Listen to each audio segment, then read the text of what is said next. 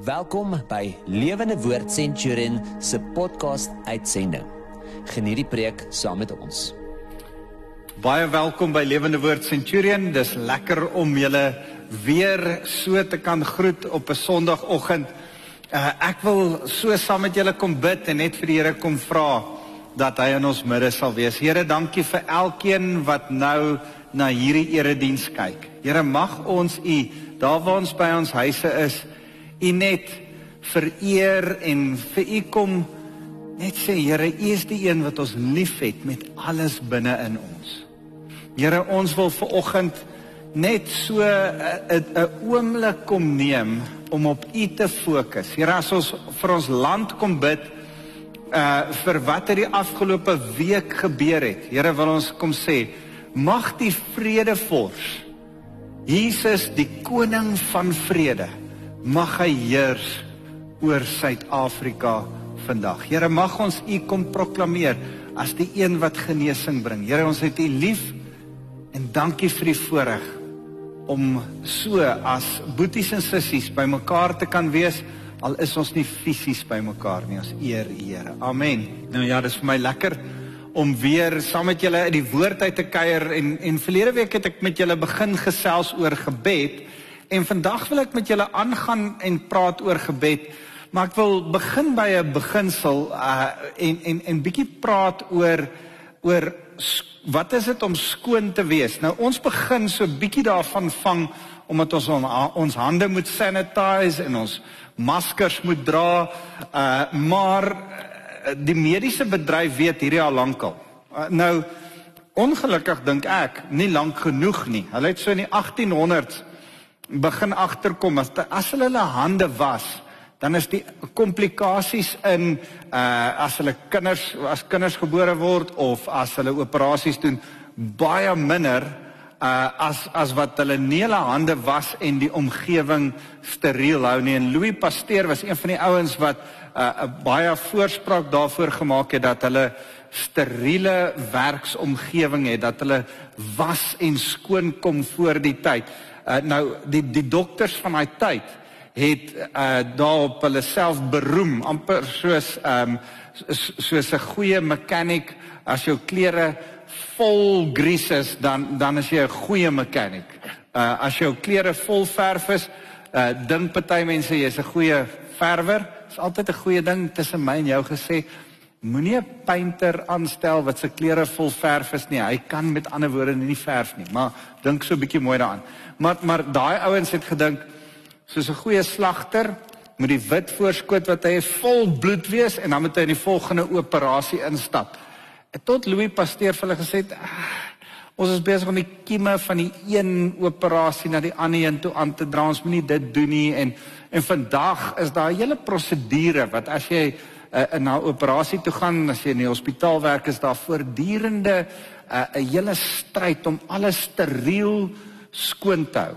En en en en dokters dra scrubs, hulle moet skoon uh, in die operasie uh, um, plek ingaan en daar's 'n hele prosedure van hoe om jou hande te was, hoe om jou masker op te sit en daar's selfs mense wat die dokter help om maskers op te sit en handskoene en al die gear aan te trek. Dit is 'n hele proses.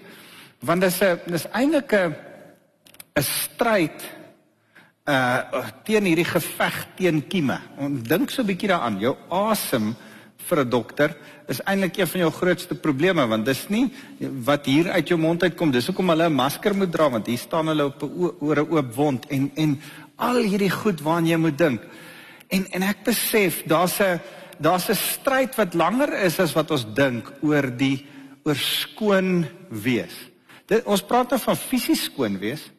Uh selfs klinies uh, uh skoon wees vir mediese doeleindes. Maar ek wil met jou praat oor geestelik skoon wees. Waar begin dit? Ou Testament het het die Here al hierdie konsep begin vasmaak by die Israeliete toe hy met hulle die hele tabernakel ding begin bespreek het en het hy met hulle begin praat oor rein en onrein. Die die hele Levitikus, Numeri gaan oor rein en onrein en en en dan sien ons Ou Testamenties het dit so gewerk dat enige iets wat rein is As dit aan iets onrein raak, dan is dit nie meer rein nie, dan is dit ook onrein. Nou dis wat 'n dokter ook vir jou sal sê. Maar Nuwe Testamenties verander dit so bietjie. Nuwe Testamenties geestelik, nie nie in 'n hospitaal nie, geestelik werk dit nou so dat wanneer iets rein aan iets onrein raak, maak die reine die onrein rein. Uh, dis dis eintlik mooi en dis eintlik fantasties en Ou Testamenties maak die die onrein ding die rein ding weer onrein. Nuwe Testamenties maak die rein ding die onrein rein. Ek ek hoop dit maak vir julle sin en julle hou by. Wat wat is die skeidslyn? Die kruis van Christus. Jesus Christus se bloed aan die kruis het vir my en jou rein gemaak. Die bloed van Jesus was ons witter as sneeu. Eh, die die die mooi ding wat ek en jy moet besef, die omdraaipunt is Christus. En en daarom juis in hierdie tyd waarin ons nou is, in 'n tyd wat dinge rof gaan, eh, 'n tyd wat baie mense siek is, mense in ons gemeente wat gesterf het. Uh dit was 'n rowwe tyd vir ons as as as mense, as gemeente. Lewende Woord Centurion het het 'n swaar week gehad as dit nie is vir die paar, paar weke wat verby is nie. Ehm um, die goed wat in ons land gebeur het.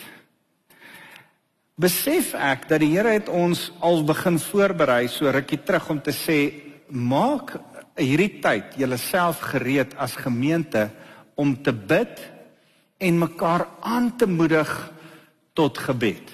In verlede week het ek met julle begin praat oor gebed dat ons onsself moet inoefen in gebed, dat ons moet vra, dat ons moet soek, dat ons moet moet kom voor die Here en hom aanroep en en ek as ons begin verlede week praat het oor gebed wil ek graag daarmee aangaan en en die Here praat so rukkie terug met my oor die hele wonderlike beeld van die tabernakel.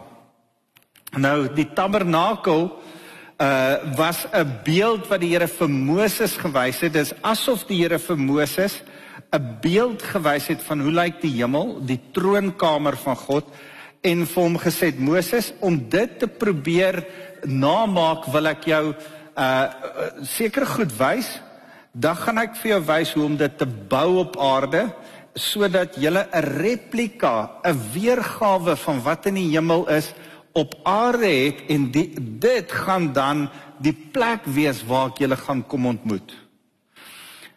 Eintlik is die aarde nie skoon genoeg nie. Daar's nie 'n operasiekamer in die op aarde skoon genoeg, rein genoeg waar die Here mens kan kom ontmoet nie, want hy's totaal en al skoon. Hy's heeltemal heilig. Hy's ten volle 100% rein en daarom kan hy nie aan naby 'n stukkie onreinheid kom nie. Toe sê die Here, "Wag, wag, wag, ek maak 'n plan. Ek prakseer 'n plan waar ek 'n rein omgewing kan kom skep sodat wanneer jy daar inkom, jy wat vuil is van sonde, kan skoon kom in jou gees sodat jy met skoon hande met 'n skoon gewete met skoon gedagtes na my toe kan kom. En en ek besef gebed, dit wat ons verlede week vir mekaar gesê het, gebed en ons het nodig om mekaar te leer bid. Ons moet ons het nodig om meer en meer en meer te bid. Gebed begin daar waar ek besef, Here, ek het U nodig.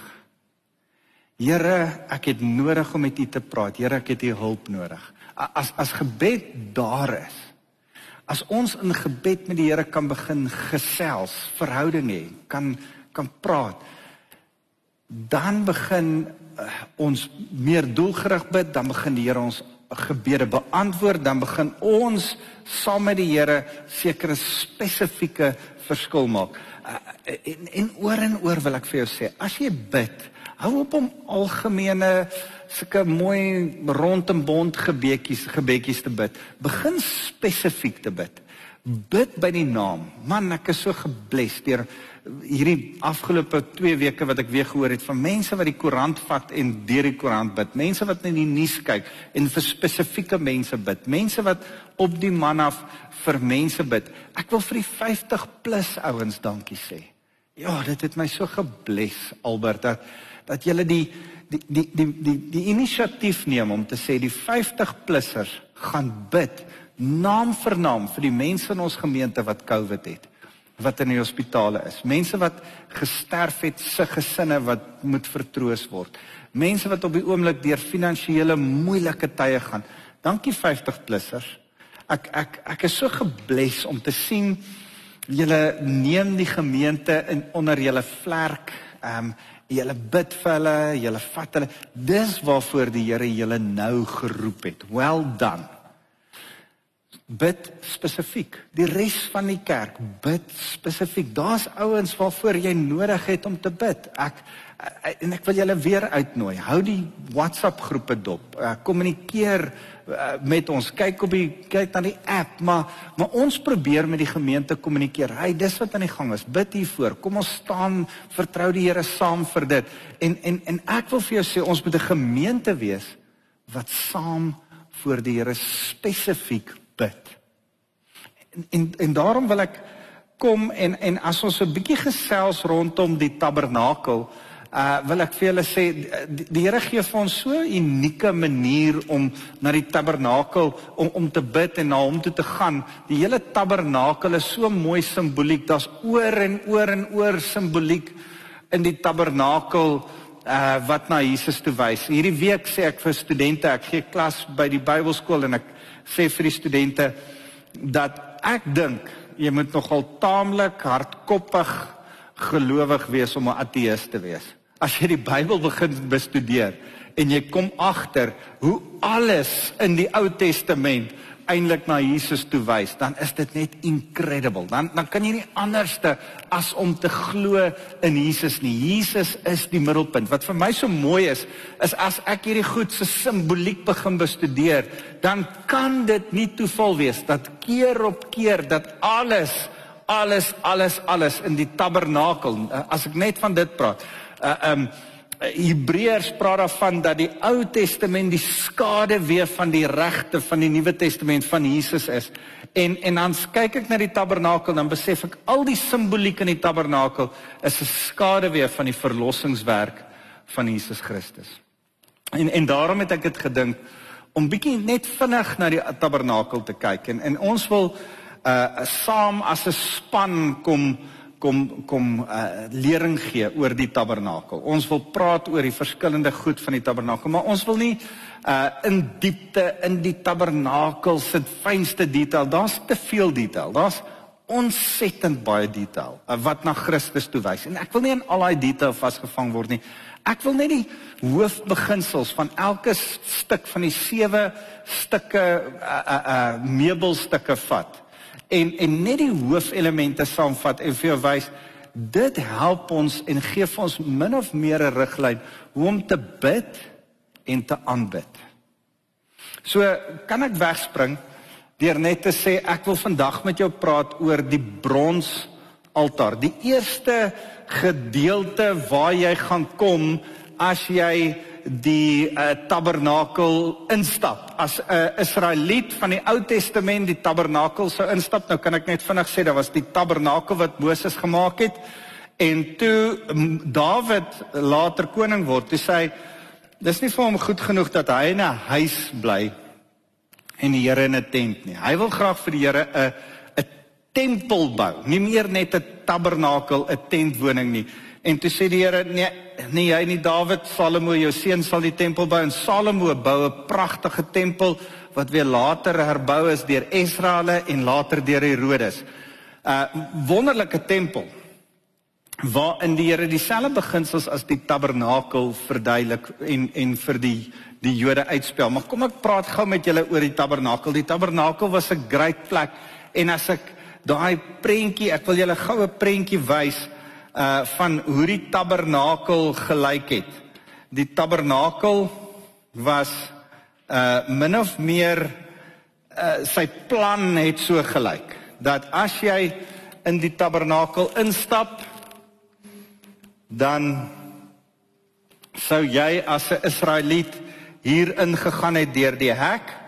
Nou dis so mooi dat hierdie uh omheining was van wit linne gemaak wat praat van die Here se heiligheid en dat jy nie by enige een van hierdie 66 pale interessant genoeg 66 pale 66 boeke in hierdie Bybel jy kan nie een by enige een van hierdie 66 pale oor hierdie 1.8 meter heining geklim het nie jy moes net hier deur die hek gekom het. Nou hierdie hek was genoem die weg hierdie hek vir priesters die waarheid en hierdie dik gordyn die lewe.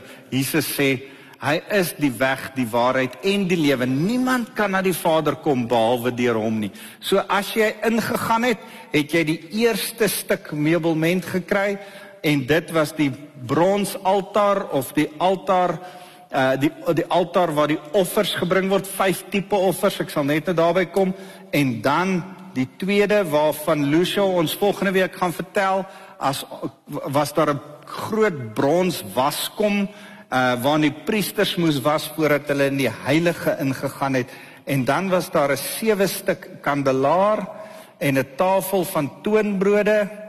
En dan voor dit die altaar van uh, wierookaltaar was daar en die sesde stuk meubelment was die ark van die verbond waar die engele uh wag gehou het oor die sewende stuk. En die sewende stuk is daar in die middel was die troon uh, uh, die die genade troon uh op die ark van die verbond. En dit maak sewe stukke maar die coolste ding wat ek vir julle wil wys want uh, die alles wys na Jesus toe. En die mooiste ding uh wat ek vir julle wil wys is dat ek wil vir jou wys dat as jy hierdie meubelment met mekaar verbind al hierdie meubelstukke.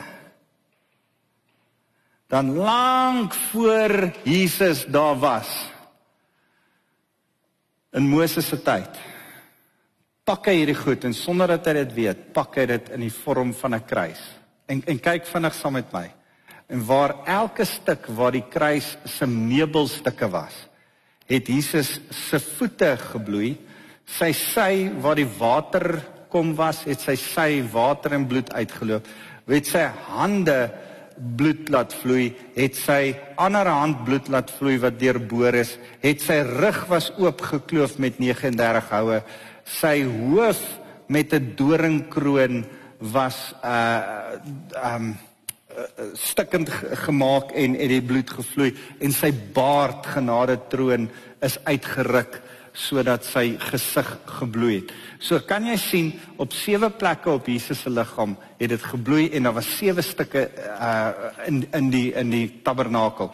En hulle kom met mekaar ooreen. Daar's daar's soveel sulke mooi simboliek, maar wat ek vandag net vinnig met jou wil mee stil staan is hierdie een. Hierdie bronsaltaar as jy inkom by die begin. Nou, daar's so 'n prentjie van 'n bronsaltaar wat ek graag vir jou wil wys en ek gaan vra dat Lizet dit vir ons wys dat jy net so 'n prentjie kry van wat as jy nou by hierdie hek, as jy Israeliet is en jy kom by hierdie hek ingestap, dan het jy jouself vasgeloop in hierdie groot massiewe bronsaltaar.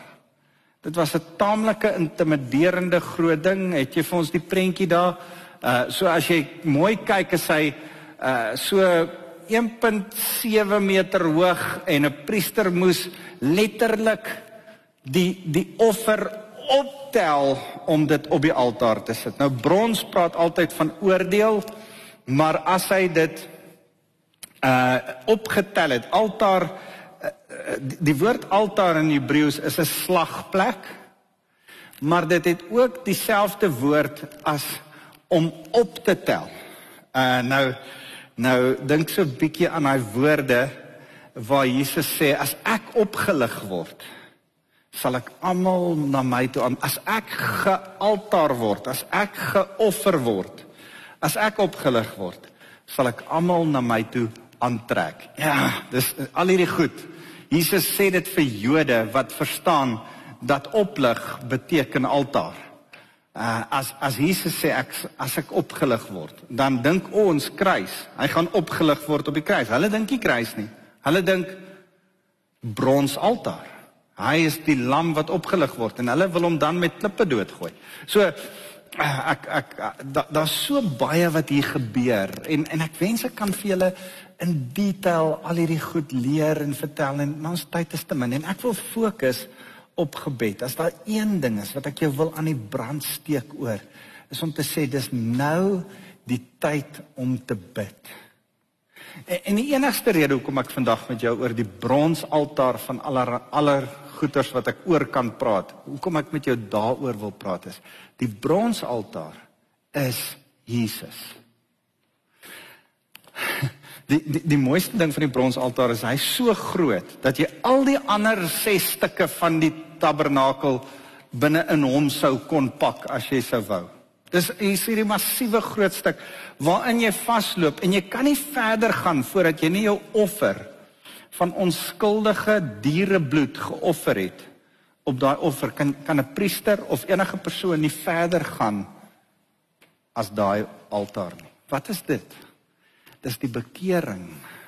Dis die toegang wat Jesus ons gee as ons by berou en bekering uitkom. Jesus is my en jou se toegang. Hy is die die hek waardeur ons in die tabernakel inkom. Maar dan as ons dan vasloop, dan sê Jesus, daar's eers 'n plek waar jy wat vuil is, moet skoon kom in jou hart.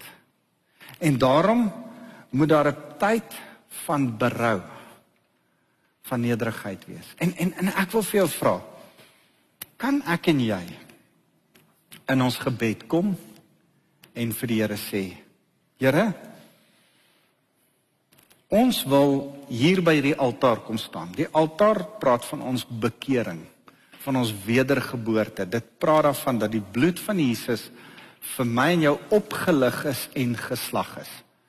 Die bloed van Jesus is daar sodat ek en jy ons hoef nie meer 'n offerdier te bring nie. Jesus is die offerdier wat vir ons gesterf het. So as ek en jy in gebed, in aanbidding na die Here toe kom, is daar iets daar's twee goed wat moet eers gebeur. Eerstens moet jy Jesus raak sien. Kan jy saam met my as jy in gebed begin, begin jy eers deur die Here te verhoog en te vergroot. Uh, ek ek dink altyd daaraan as ek met as ek jou bel op die selfoon en ek sou jou bel en ek sê hallo Piet hoe gaan dit met jou?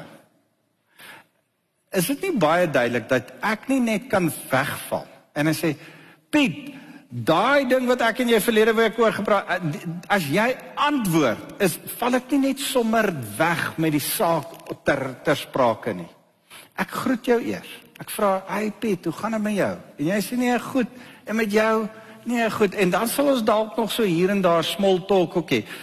Kan jy dink dat as jy na die Here toe kom, dat jy eers op die koning van konings sal fokus? Jare terug was daar hierdie mooi program uh in uh, uh oor oor Shaka Zulu en het ek gesien in daai in die kultuur van die Zulus is as jy die die koning approach is daar 'n ding van jy jy buig laag en jy sê baie tinkosi baie en en dan maak jy die koning groot voordat jy na die koning toe kan kom. Hy dis niks minder as reg dat ek en jy as ons na die koning van die konings toe kom dat ons sê baie tinkosi. Here, U is die grootste. U is almagtig. Die die rede hoekom jy in die in in hierdie groot altaar vasgeloop het, is dat jy jy moet besef die fokus is Jesus. Nou ek ek wil so baie vir julle vertel oor die brons wat oorgetrek is oor akasia hout. Brons praat van oordeel, akasia hout praat van uh die onver on, onvernietigbare harde hout. Jesus sonder sonde met brons vir my en jou oorgetrek. Hy dra oordeel. Ek en jy moet eers deur die brons van oordeel gaan voordat ons by die goud van lof kan uitkom. Uh, Daar's so baie om te sê, maar as ons by gebed, by aanbidding kom, wil ek eers vir jou sê, fokus op Jesus eerste. Kan ons dit vandag doen in ons gebedslewe? Fokus op die Here eerste. Dan in ons gebed, in ons stilte tyd, as jy met die Here alleen praat, is die volgende ding: berou en bekering. Here, ek is jammer oor my sonde. Dankie dat u bloed vir my vergiet was. Here, ek wil nou saam met U 'n nuwe lewe kom leef. Galasiërs 2 vers 20 is nie meer ek wat leef nie, maar Jesus Christus wat nou binne in my kom leef. En dan stap ons in hierdie volgende wonderlike ding in. Uh, uh, um, laat ek net eers gou vir julle hierdie lees. Uh oor die tabernakel. Uh, ek wil dit vinnig vir julle lees. Maak 'n vierkantige altaar van akasia. Dit moet 2 en 'n half meter aan elke kant wees en 1 en 'n half meter hoog. Sit 'n horing vas op elke hoek. Horing praat van autoriteit, van waar ons vergifnis in die autoriteit van Jesus Christus kan kry. Trek die altaar en die horings met koper oor. Die houers is vir as en die grafies in die bakke. En dan gaan hy aan om dit te beskryf en dan in Levitikus dan begin ons sien in in hoe hierdie hierdie verskillende uh, uh, um offers gemaak was. Uh ek wil vinnig vir julle sê daar was 'n skuldoffer Levitikus 5, gaan lees dit. 'n Skuld of 'n hersteloffer. Dit is so interessant. Elke keer as hy in Levitikus daarna verwys, uh ek, ek wil julle dit vinnig wys, dan sê hy as jy uh as iemand geroep word, ehm um, toe sê hy Ekskuus vers 14 van hoofstuk 5. Toe sê die Here vir Moses: As enige iemand onopsetlik sondig, dan moet hy op hierdie manier 'n offer bring op hierdie altaar. Uh die skuldoffer en hersteloffer. Dan is daar 'n sondeoffer, 'n reinigingsoffer, vers hoofstuk 4. Weereens, ek lees vir julle vinnig. Ek dink ons het hierdie skrifgie. Toe sê die Here vir Moses: Sê vir die Israeliete, wanneer julle op onopsetlik sondig deur iets te, te doen, Nou nou dis vir my interessant dat daar vyf offers is en almal van hulle is vir onopsetlike sonde. Dis nie asof die Here gesê wanneer jy aspres sondig bring jy dis almal want ek dink die Here het geweet almal gaan sê ah, ek wou nie eintlik sondig nie toe het ek gesond en die Here sê okay okay daar's daar's selfs vir jou ook 'n plek vir vergifnis. So daar's 'n skuld of herstel offer, 'n sonde of reinigingsoffer. Uh daar is 'n dank of maaltyd offer, 'n fellowship offer. Uh Levitikus 3, daar's 'n graanoffer wat moes gebeur om net vir die Here dankie te sê en te sê Here, U is wonderlik. Uh, dan staan 'n brandoffer. Dis al vyf die offers wat gebring moes word. En dan as ons hierdie offers gebring het op hierdie hierdie plek, hoor 'n bietjie wat sê Hebreërs Ek wil vir jou Hebreërs 9 lees. Hy sê Hebreërs 9 vers 11, maar nou het Christus as as hoëpriester uh Christus as hoëpriester gekom om al God se weldade te bedien. Hy het daardie groot volmaakte heiligdom in die hemel binne gegaan wat nie deur die hande werk van mense nie en dis nie deel uitmaak van hierdie skepping nie. Eens en vir altyd het hy met die bloed in die allerheiligste ingegaan maar nie met die bloed van bokke en kalvers nie. Nee, hy het met sy eie bloed daarin gegaan en vir ons 'n ewige verlossingswerk bewerk. Onder die ou stelsel kon die bloed van bokke en bulle en die as van 'n vers wanneer dit oor mense gesprinkel word, hulle liggame van 'n rituele besoedeling reinig. Dit kon hulle uh, liggame skoonmaak, ritueel. Maar hy sê in vers 14, hoeveel te meer sal die bloed van Christus wat homself deur die werking van die ewige offers as 'n volkomme offer aan God geoffer het, ons gewete skoon was. So kan ek vir jou sê, ek wil hierdie drie goed vir jou sê. As jy fokus op die Here en in ware berou in jou gebed na hom toe kom en sê Here, ek is jammer. By hierdie altaar wat Jesus is, sê ek maak jou skoon. Jou gewete is skoon. Nou kan jy na my toe kom. Dis die begin van gebed. Ek wil jou met die ander nog wys verder hoe gaan ons in gebed, maar maar dis waar ons begin. Dis waar jy moet begin. Kan ons begin deur vir Suid-Afrika te bid? Kan ons namens Suid-Afrika sê, Here, ons kom fokus vir oggend op Jesus die koning van die koning, die vredevors. Ons kom fokus op U, die een wat vir ons gesterf het in ons plek. Here, ons kom sê jammer. Ons kom sê jammer vir ons sonde opsetlik en onopsetlik. Here, ons kom sê jammer vir sonde, of dit nou plindery of dit nou skelmstreke of dit nou laksheid is van mense wat nie hulle maskers wil dra nie. Here, wat ook al ons sonde is. Here, oor Suid-Afrika se sonde kom sê ons jammer. Here, en ons wil vandag met 'n skoon gewete dan as ons by die altaar kom staan het, met 'n skoon gewete kom sê, Here, dis so vreugde om u kinders te mag wees, skoon en heilig gereinig deur u. Here, ons besef dat gebed nou van hier af gaan oor verhouding met u. Dis vir ons so lekker. Ons het u lief Jesus. Dankie dat u ons koning is. Ek wil die gemeente kom seën.